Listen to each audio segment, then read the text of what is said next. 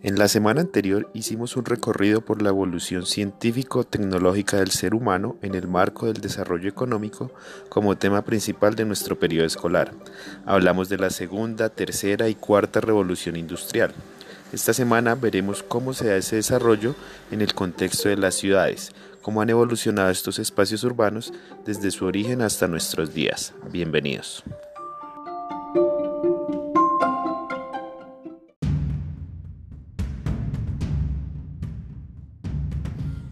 La ciudad ha evolucionado al ritmo del desarrollo del ser humano. Su origen se encuentra en la prehistoria, cuando el ser humano decide convertirse en agricultor y ve la necesidad de conformar aldeas para ubicarse en un solo lugar. Esos primeros asentamientos humanos se ubican cerca de los ríos y comienzan así a aparecer las diferentes especialidades, artesanos, tejedores, entre otros. Con ellos se crean lugares destinados a la realización de estas actividades. Más adelante, las ciudades toman formas arquitectónicas en la antigüedad. Por ejemplo, en el Imperio Romano las ciudades se caracterizan por tener espacios para la diversión como los circos, anfiteatros, coliseos, espacios para las entidades del gobierno y templos para el culto de los dioses. En la Edad Media las ciudades se adecuan a las dinámicas sociales y económicas. Se ven ciudades bordeadas con murallas para evitar invasiones de ataques y en su interior se resaltan edificaciones como templos y castillos donde habitaban los monarcas. La ciudad en la modernidad es una ciudad bordeada por grandes plantaciones y espacios verdes dedicados a la agricultura.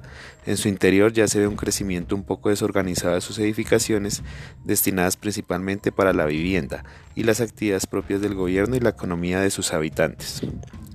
En el siglo XVIII aparecen las ciudades industriales, con un paisaje gris producto de la contaminación y la vida acelerada que empieza a caracterizar la era industrial. Los paisajes verdes y tranquilos son cambiados por imágenes un poco oscuras. Las edificaciones que sobresalen en la época son las grandes fábricas y barrios obreros con precarias condiciones de salubridad.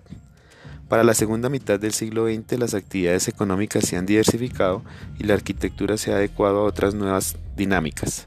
Aparecen las grandes edificaciones y densidad poblacional se, comienza a convertir en un elemento común de las grandes ciudades, que en la actualidad han tenido que adecuarse a los sistemas de transporte, ampliar los servicios básicos para atender a toda la población que llega a estos sitios a residir.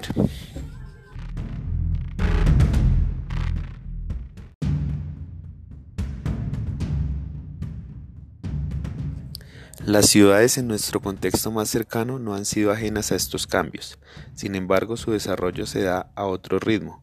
Las ciudades prehispánicas de América eran espacios destinados a las construcciones y monumentos o sitios de adoración y culto. Con la llegada de los españoles se da paso a las ciudades coloniales, espacios que giraban alrededor de una plaza central, un templo, para el culto cristiano católico y las entidades administrativas, una característica común en la mayoría de los municipios de Colombia.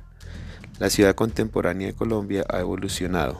Las grandes edificaciones no son ajenas y la arquitectura y las construcciones se mueven al ritmo del desarrollo económico desde la prehistoria hasta nuestros días.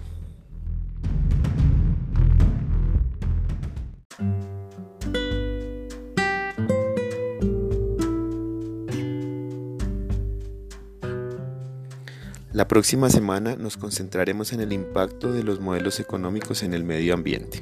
Hasta pronto.